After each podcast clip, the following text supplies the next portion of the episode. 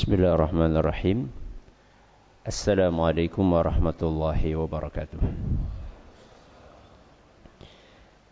الحمد لله رب العالمين والعاقبة للمتقين ولا عدوان إلا على الظالمين وصلى الله على نبينا وسيدنا محمد وعلى آله وصحبه أجمعين أما بعد Kita panjatkan puja dan puji syukur kehadirat Allah Subhanahu wa taala. Pada kesempatan malam yang berbahagia kali ini tanggal 29 Jumadal Ula 1441 Hijriah atau yang bertepatan dengan tanggal 24 Januari 2020. Kita masih kembali diberi kekuatan, kesehatan, hidayah serta taufik dari Allah Jalla wa Ala sehingga kita bisa kembali menghadiri pengajian rutin untuk membahas adab dan akhlak di dalam Islam yang kita ambil dari kitab Bulughul Maram, Kitabul Jami' yang ditulis oleh Imam Ibn Hajar Al-Asqalani rahimahullah.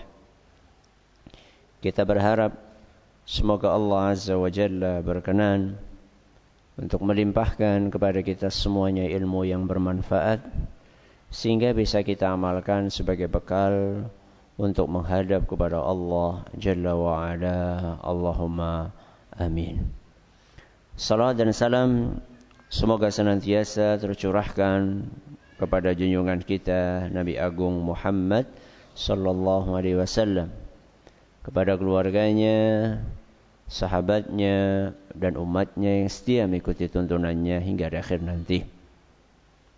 Para hadirin dan hadirat sekalian yang kami hormati dan juga segenap pendengar serta pemirsa yang mudah-mudahan senantiasa dirahmati oleh Allah Azza wa Jal.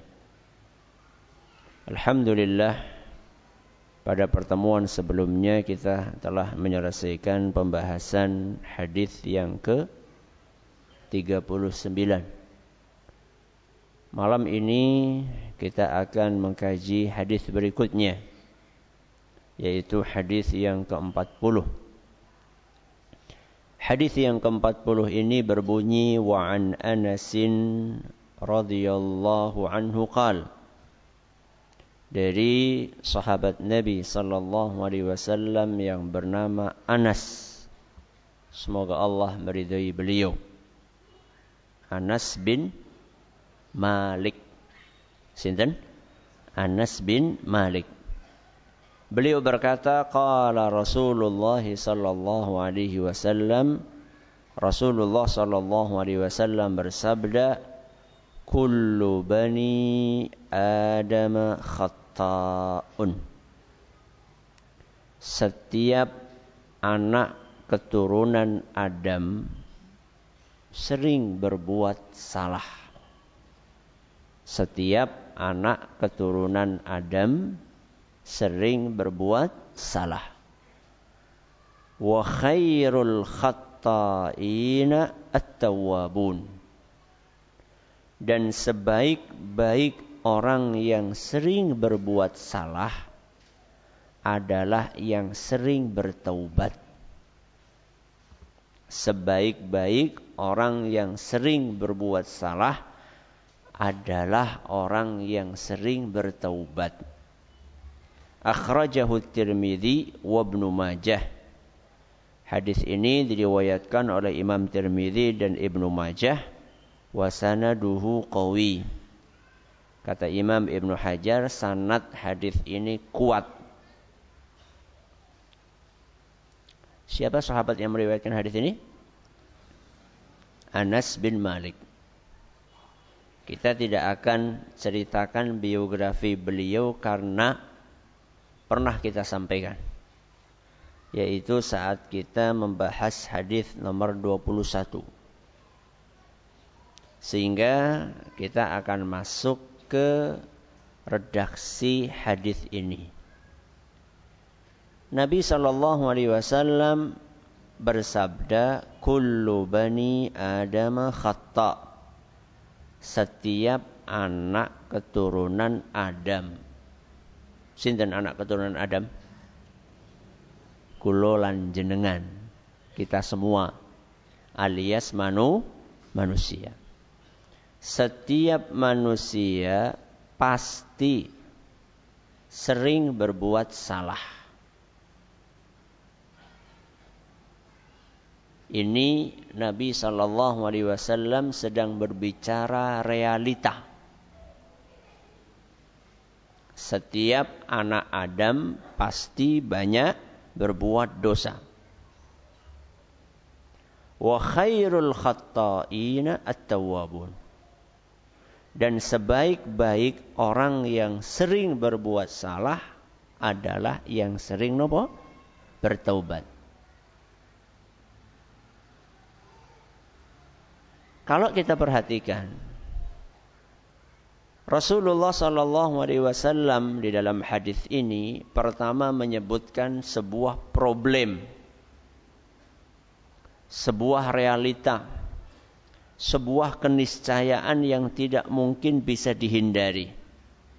Apa itu? Dosa. Allah menakdirkan manusia sering berbuat dosa. Ini realita. Tapi Nabi Shallallahu Alaihi Wasallam bukan hanya menyampaikan sebuah masalah, sebuah problem. Sering berbuat dosa itu masalah bukan? Masalah. Nabi SAW bukan hanya menyampaikan masalah, tapi Nabi SAW kasih solusi. Begitulah seharusnya kita bersikap. Jangan terjebak debat tusir membicarakan tentang masalah. Ada masalah ini, masalah ini, masalah ini. Wis, wis cukup aja ngomong masalah baik. Apa? Solusine. Apa jalan keluarnya? Perlu atau tidak pemaparan masalah? Perlu. Kalau dokter itu sebelum ngasih resep, ngapain dulu? Mendiagnosa. Menemukan masalahnya apa? Baru kasih resep. Ya kita juga nggak suka pergi ke dokter, Pak penyakit jenengan A, B, C, D, E, F, G, H, I, J sampai Z. Wis ya, ngana. Yo yo pri wis solusine endi? Iya. Kita juga nggak puas ketika datang ke dokter baru ketemu assalamualaikum waalaikumsalam kia obate Enggak, kita juga pengen tahu apa? Masalahnya apa?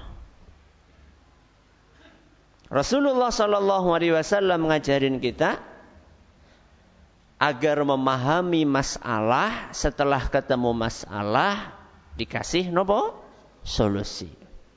Apa masalahnya? Masalahnya kita tidak bisa lepas dari dosa. Itu masalah.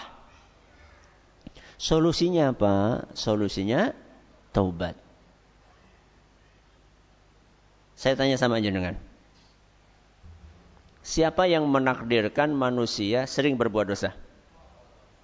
Sinten? Allah. Betul. Berarti orang apa? Ya papa. Papa apa nih? Kalau kita cuma sering berbuat dosa kemudian tidak berikhtiar untuk membersihkan dosa itu, itu tambah besar masalahnya. Memang betul yang menakdirkan kita untuk berbuat dosa itu Allah. Tapi kita diajari untuk tidak pasrah dengan takdir. Pasrah di sini maksudnya duduk berpangku tangan. Saya kasih contoh. Pernah sakit? Pernah sakit? Pernah. Siapa yang menakdirkan jenengan sakit? Allah. Apa kira-kira pasrah? Ya wis lah, wis takdirnya apa? Beriang. kita kan akan apa? Akan berusaha. Napa usahane? Berobat, istirahat, makan makanan yang bergizi. Yang menakdirkan kita sering berbuat dosa itu Allah akan tetapi kita nggak boleh duduk berpangku tangan atau bahkan beralasan. Kok ini orang sholat wis takdire.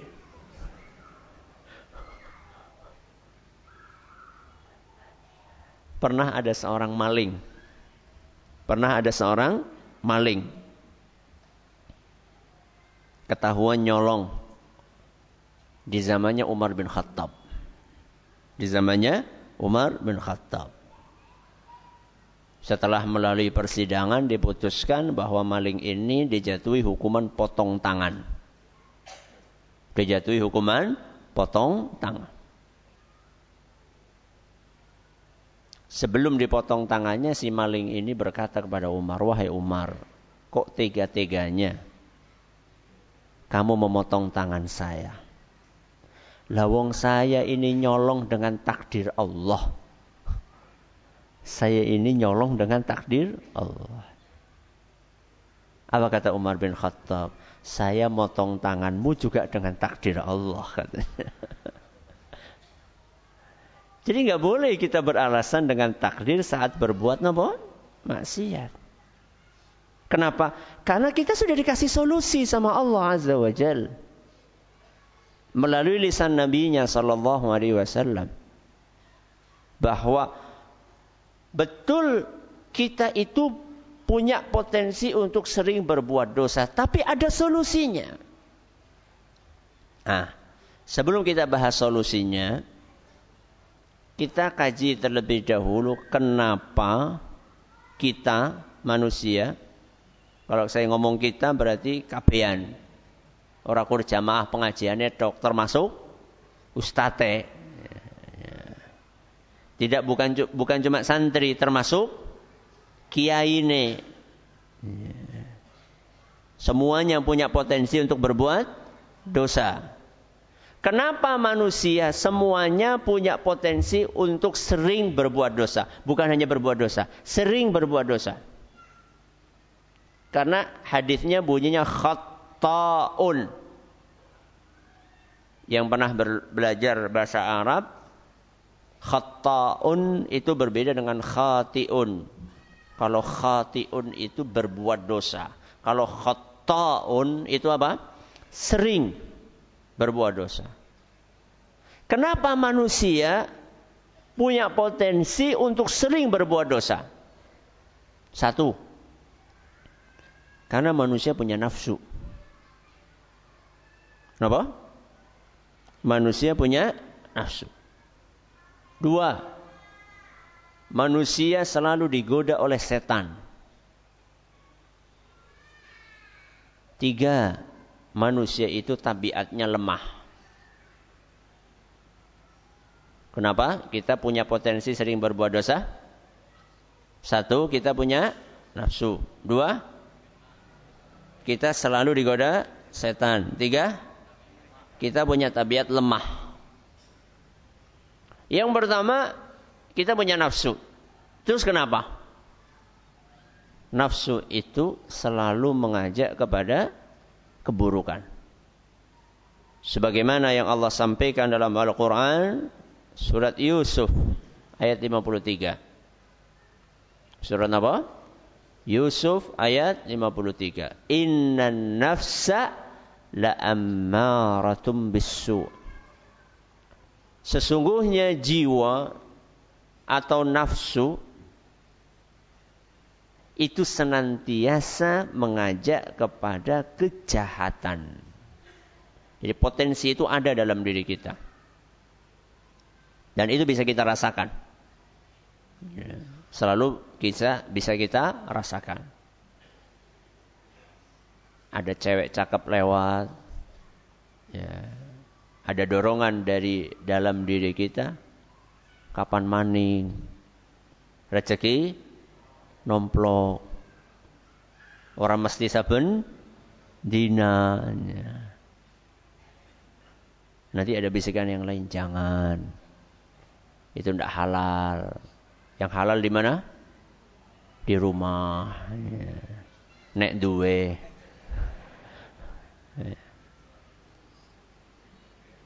Nafsu. Yang kedua apa tadi?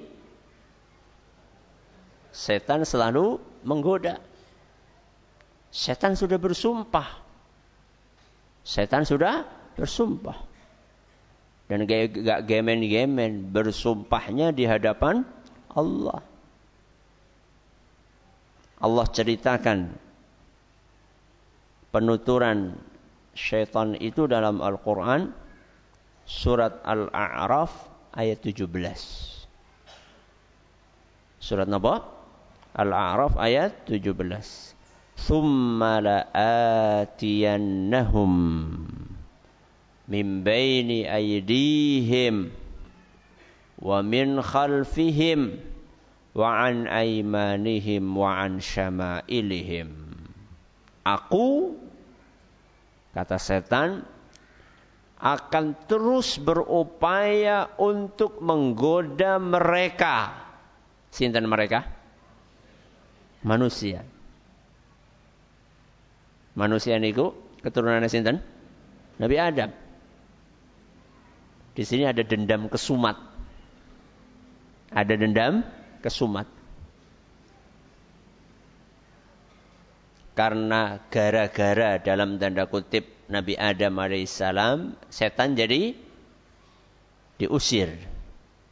Dari mana? Dari surga. Berarti mian setan nang surga. Iya. Ya. Maka dia pun bersumpah dan bertekad summa la'atiyannahum aku pasti yang paham bahasa Arab summa la'atiyannahum ada dua penegasan di sini. Yang pertama apa? Lam. La summa la'atiyannahum yang kedua apa nun taukid. Sungguh pasti aku akan. Jadi setan ini serius apa bercanda? Serius. Sungguh pasti aku akan menggoda manusia dari mana? Mimbaini aidihim dari depan. Wa min khalfihim dari belakang. Wa an aimanihim dari kanan. Wa an syama'ilihim dari kiri dari seluruh penjuru setan akan menyesatkan kita. Ini kenapa kita punya potensi untuk sering berbuat dosa. Apa yang pertama tadi? Kita punya nafsu. Yang kedua, setan selalu menggoda. Yang ketiga, kita punya tabiat lemah. Allah sampaikan itu dalam Al-Quran surat An-Nisa ayat 28. Dalam surat An-Nisa ayat 28 Allah Azza wa Jalla berfirman khuliqal insanu dha'ifa. Dan manusia diciptakan oleh Allah Azza wa Jalla dengan tabiat lemah. Yang namanya lemah ya gampang. Gampang apa? gampang tergoda. Ya. Tobat temenan aku, soroudut maning. Tahu-tahu bertamu di rumah teman disediakan. Aku sora lah siji bae gratis iki. Iya iya eman-eman ya. Manusia itu lemah, gampang napa? tergoda. Makanya kita disuruh nyari teman yang baik. Supaya apa? Supaya tergoda berbuat baik. Kalau teman kita nggak baik, maka kita tergoda berbuat buruk. Ya.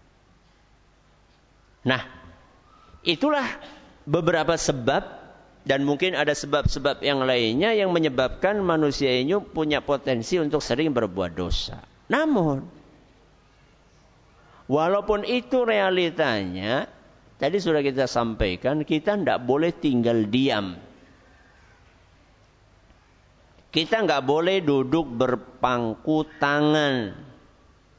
Kita tidak boleh pasrah dengan keadaan tersebut, tapi kita diperintahkan untuk berusaha membersihkan dosa-dosa tersebut. Karena meninggalkan dosa total itu tidak mungkin.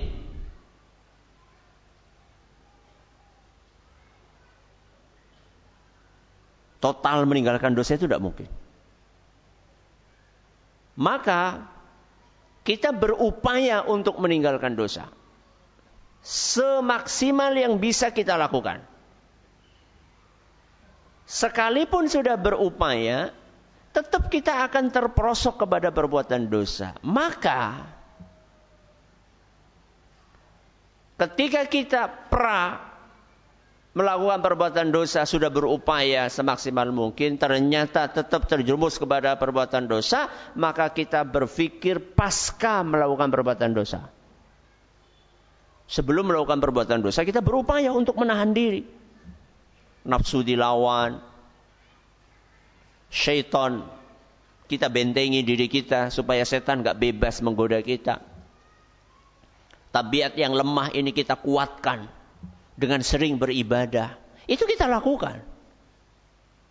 Tapi keniscayaan untuk terjerumus kepada perbuatan dosa itu tetap ada. Maka kita berpikir apa yang mesti dilakukan pasca melakukan perbuatan dosa. Yang dilakukan adalah kalau dosanya sering, maka taubatnya juga harus sering. Makanya Nabi SAW melanjutkan hadis tadi, wa khairu al khata'ina at-tawwabun. Sebaik-baik orang yang sering berbuat dosa adalah yang sering bertaubat. Berarti kita harus mengimbangi keseringan dosa dengan nopo? Keseringan taubat.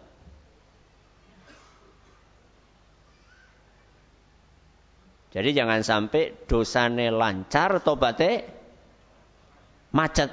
Jangan. Kalau ternyata Allah takdirkan dosa kita lancar, ya tobatnya juga harus lebih lancar.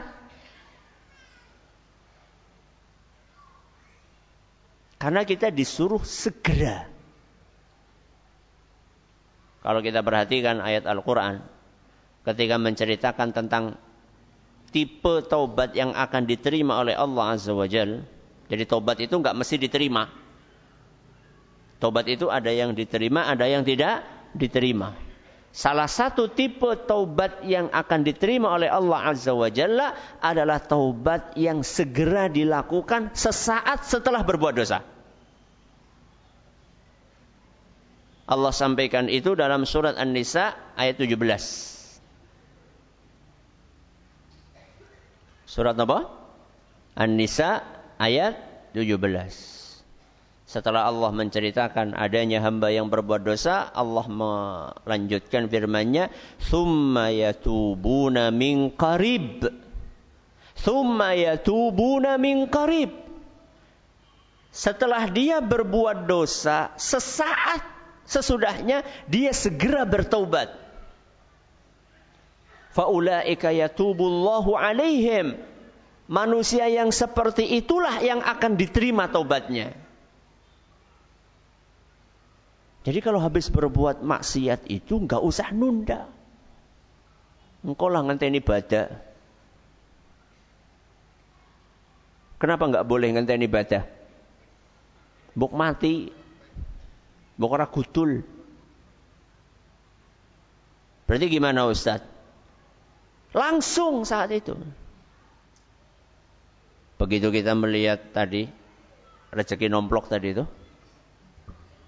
Ternyata kita kalah dengan nafsu kita, maka segera nopo? Astaghfirullah wa atubu ilaih. Serius. Ya. Astagfirullah kalau ngelirik, astagfirullah. Ayo teman. Bukan. Astaghfirullah wa atubu Ketika kita tergoda dengan gadget kita. Awalnya hanya sekedar pengen baca-baca berita. Tapi kemudian muncul iklan ini, iklan itu, kita klik. Ternyata di situ banyak wanita-wanita yang membuka auratnya. Maka segera kita astaghfirullah wa atubu ilaih. Kenapa kita harus bersegera? Karena kita berpacu dengan malakul maut. Kenapa? Kita berpacu dengan malakul maut. Sinten malakul maut? Malaikat pencabut nyawa. Malaikat pencabut nyawa itu kalau datang dia nggak ngabari dulu. Dia datangnya ujuk-ujuk. Bahkan mungkin hari ini dia sudah lewat. Buktinya tetangga kita meninggal. Dia berarti sudah lewat. Dan akan tiba saatnya dia nggak cuma lewat, tapi mampir. Kita ini berpacu dengan waktu. Apa harapannya? Harapannya kalau kita tidak menunda, begitu kita melakukan perbuatan dosa, langsung kita iringi dengan taubat, harapannya itulah aktivitas terakhir kita sebelum mati.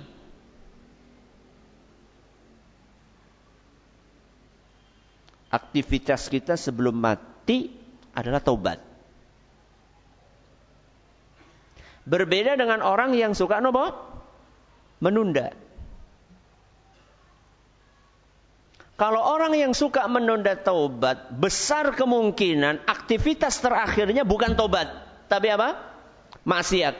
Karena dia nunda. Engkau lah ngenteni apa?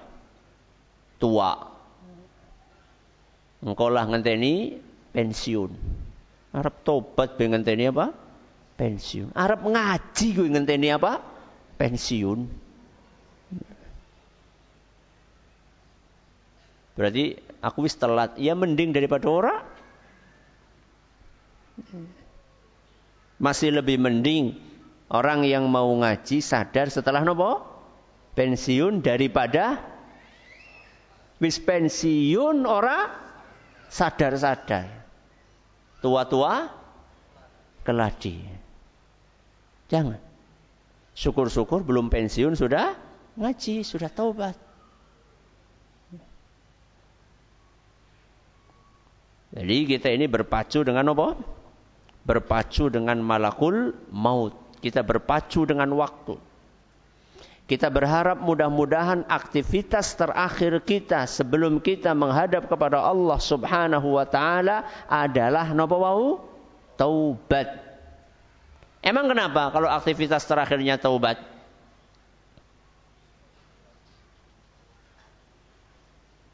Taubat itu akan menghapuskan dosa. Tobat itu akan menghapuskan dosa.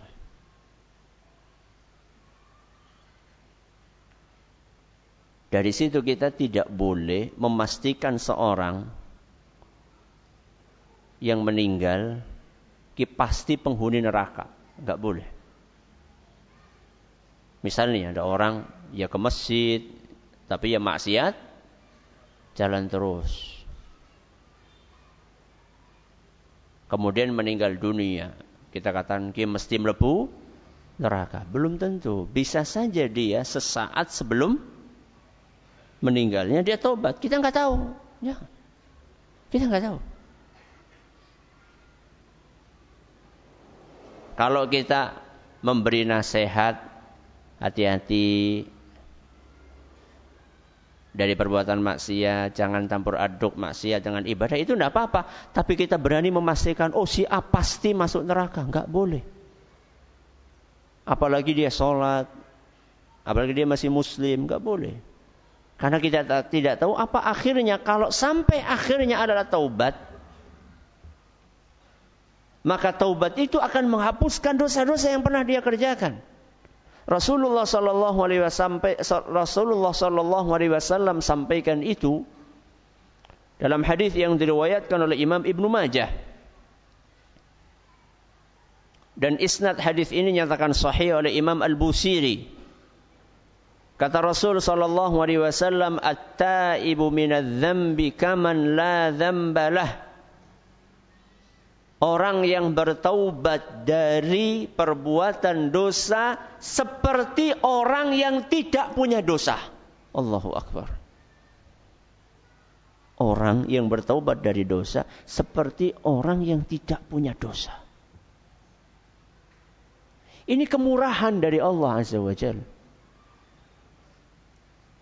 Walaupun dosa itu numpuk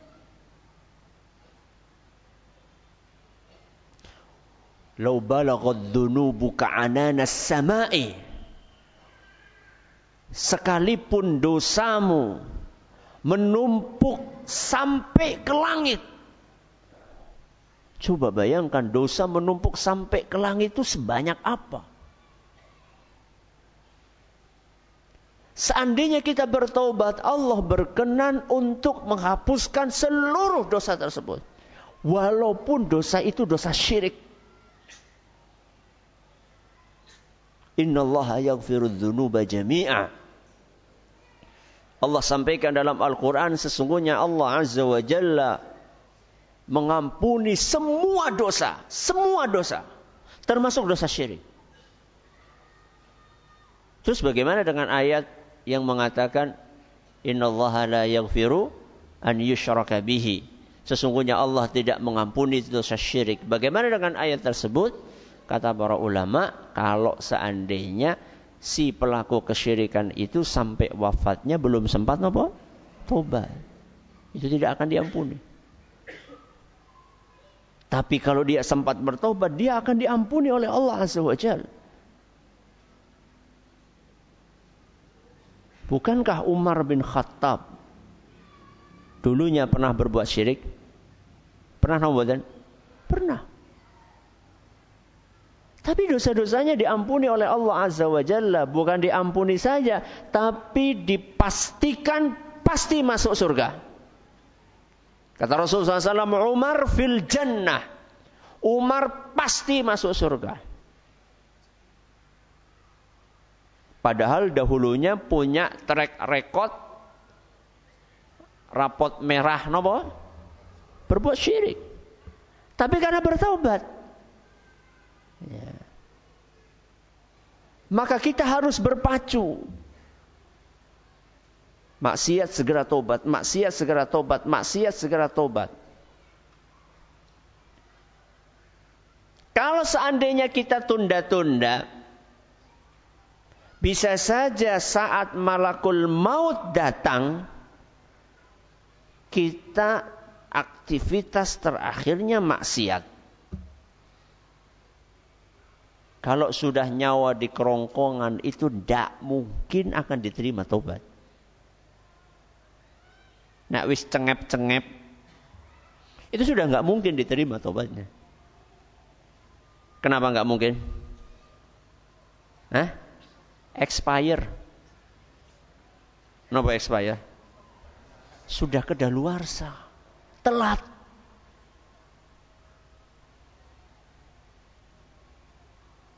Rasulullah sallallahu alaihi wasallam bersabda dalam hadis yang diriwayatkan oleh Imam Ahmad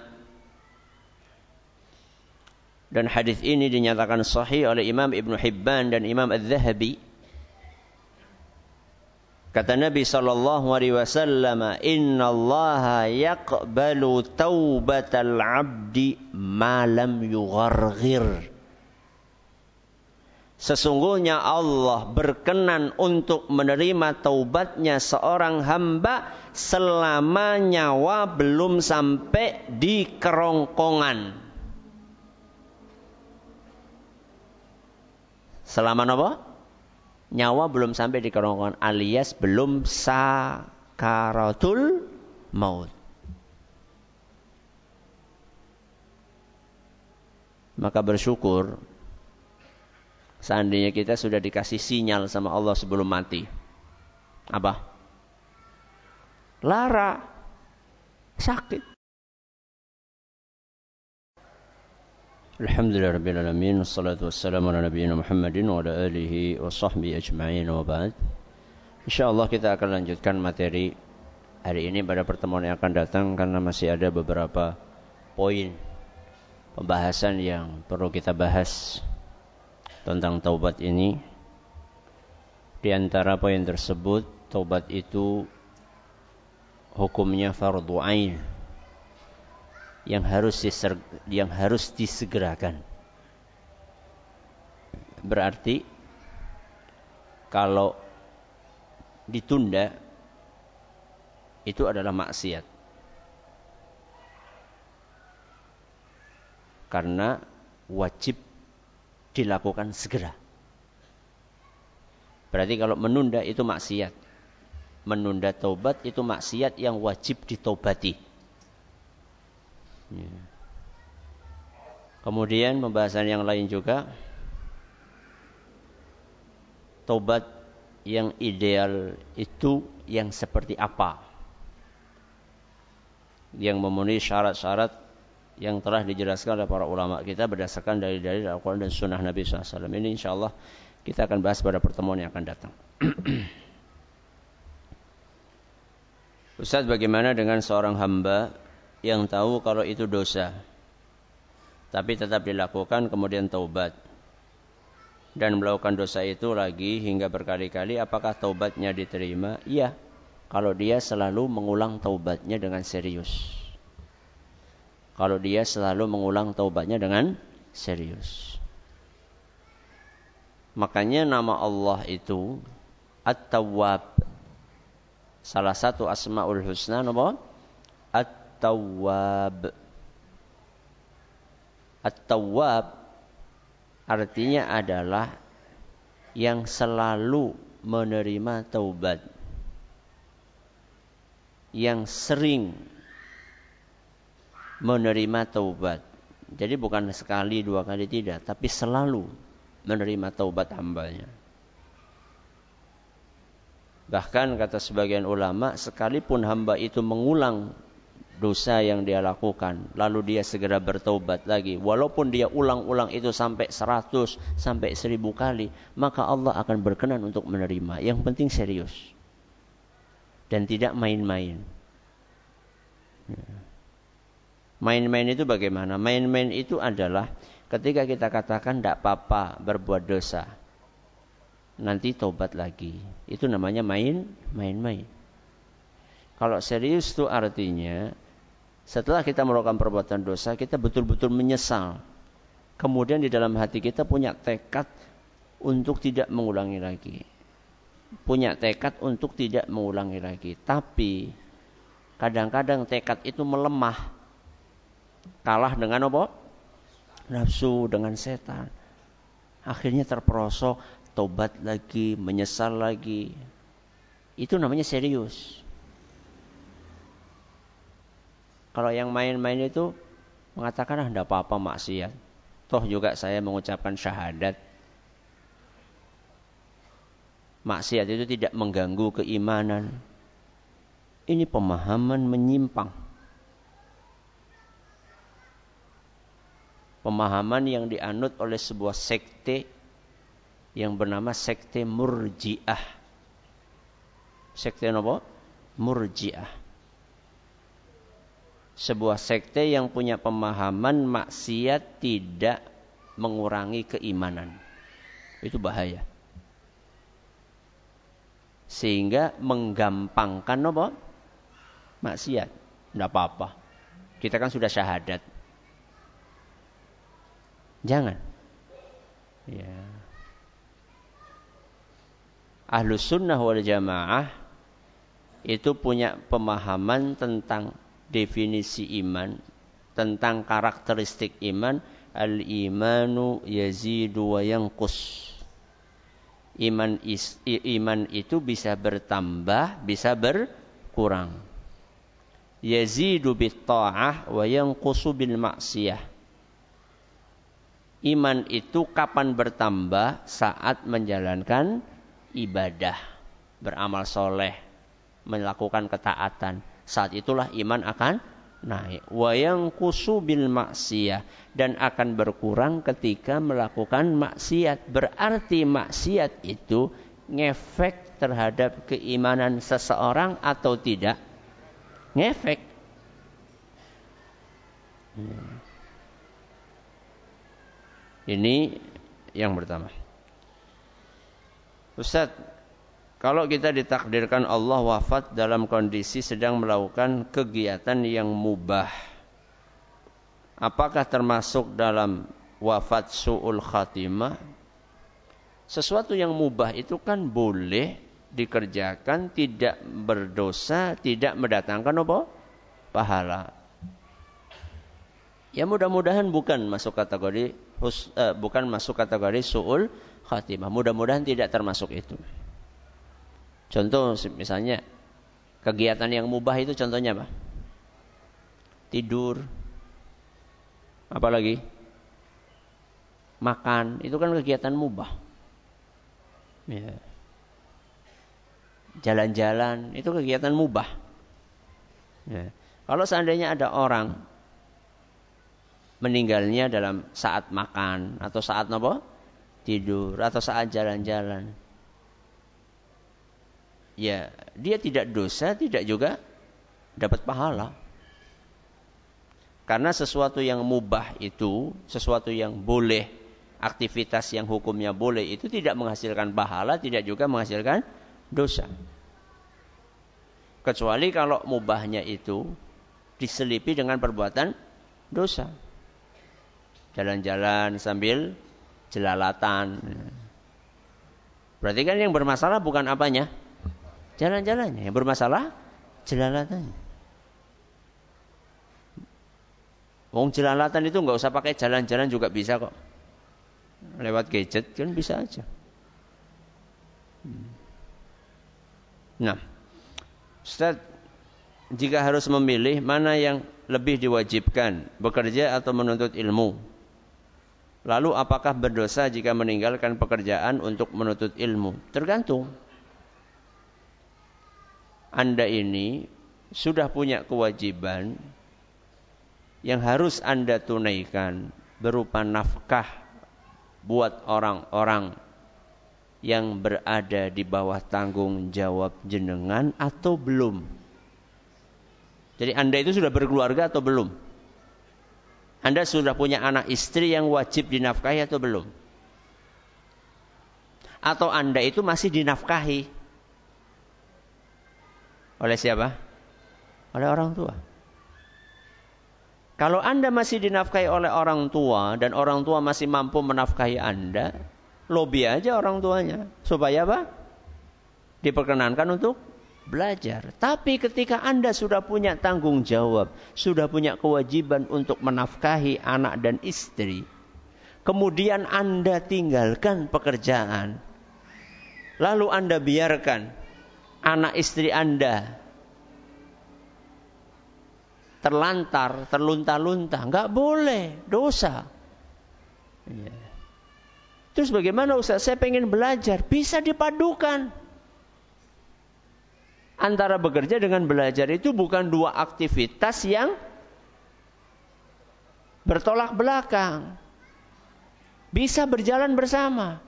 Para sahabat dahulu kayak gitu. Umar bin Khattab radhiyallahu anhu itu punya tetangga orang Ansor. Gantian untuk datang pengajiannya Rasul SAW. Hari ini Umar, besok tetangganya. Ketika Umar nggak berangkat, dia kerja. Besoknya siapa? Tetangganya. Gantian terus kayak gitu. Seandainya hari ini Umar tidak berangkat karena kerja, yang berangkat tetangganya, begitu tetangganya pulang, transfer, transfer ilmu kepada Umar. Tadi pengajiannya isinya gini gini gini. Itu menunjukkan pemahaman keagamaan Umar yang matang.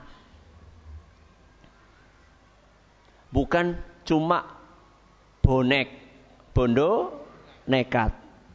Semangat ngaji, ngaji, ngaji. Anak istrinya di tinggal di tidak diperhatikan. Eh, Jangan. Bisa dipadukan. Seperti ini misalnya. Anda kan bekerja, apa yang nanti maghrib kayak gini koram. Paling sampai jam berapa? Pol, pol jam berapa? Jam 5 itu sudah pol banget itu. Ya tapi kan setitik ustadz. Nah gue. Ya. Sebanyak apa pun manusia merasa kurang. Harus ada waktunya belajar. Apalagi sekarang itu banyak fasilitas yang membantu kita untuk tetap bisa ngaji walaupun kita di rumah. Kalau zamannya Umar bin Khattab belum ada radio. Belum ada internet. Sehingga mau tidak mau kalau mau dengerin pengajian, kalau nggak datang ke pengajiannya Nabi SAW di masjid, ya ngirim orang. Kalau kita sekarang kan, saya ngisi di sini, jenengan di mana? Di rumah bisa dengerin. Berarti itu dimanfaatkan. Dimanfaatkan. Wallahu a'lam bishawab. Kita akan lanjutkan insyaallah pada pertemuan yang akan datang. Terima kasih atas perhatian. Mohon maaf segala kurangannya. Kita tutup dengan baca subhanakallahumma bihamdika asyhadu an la ilaha illa anta astaghfiruka wa atubu ilaik. Assalamualaikum warahmatullahi wabarakatuh.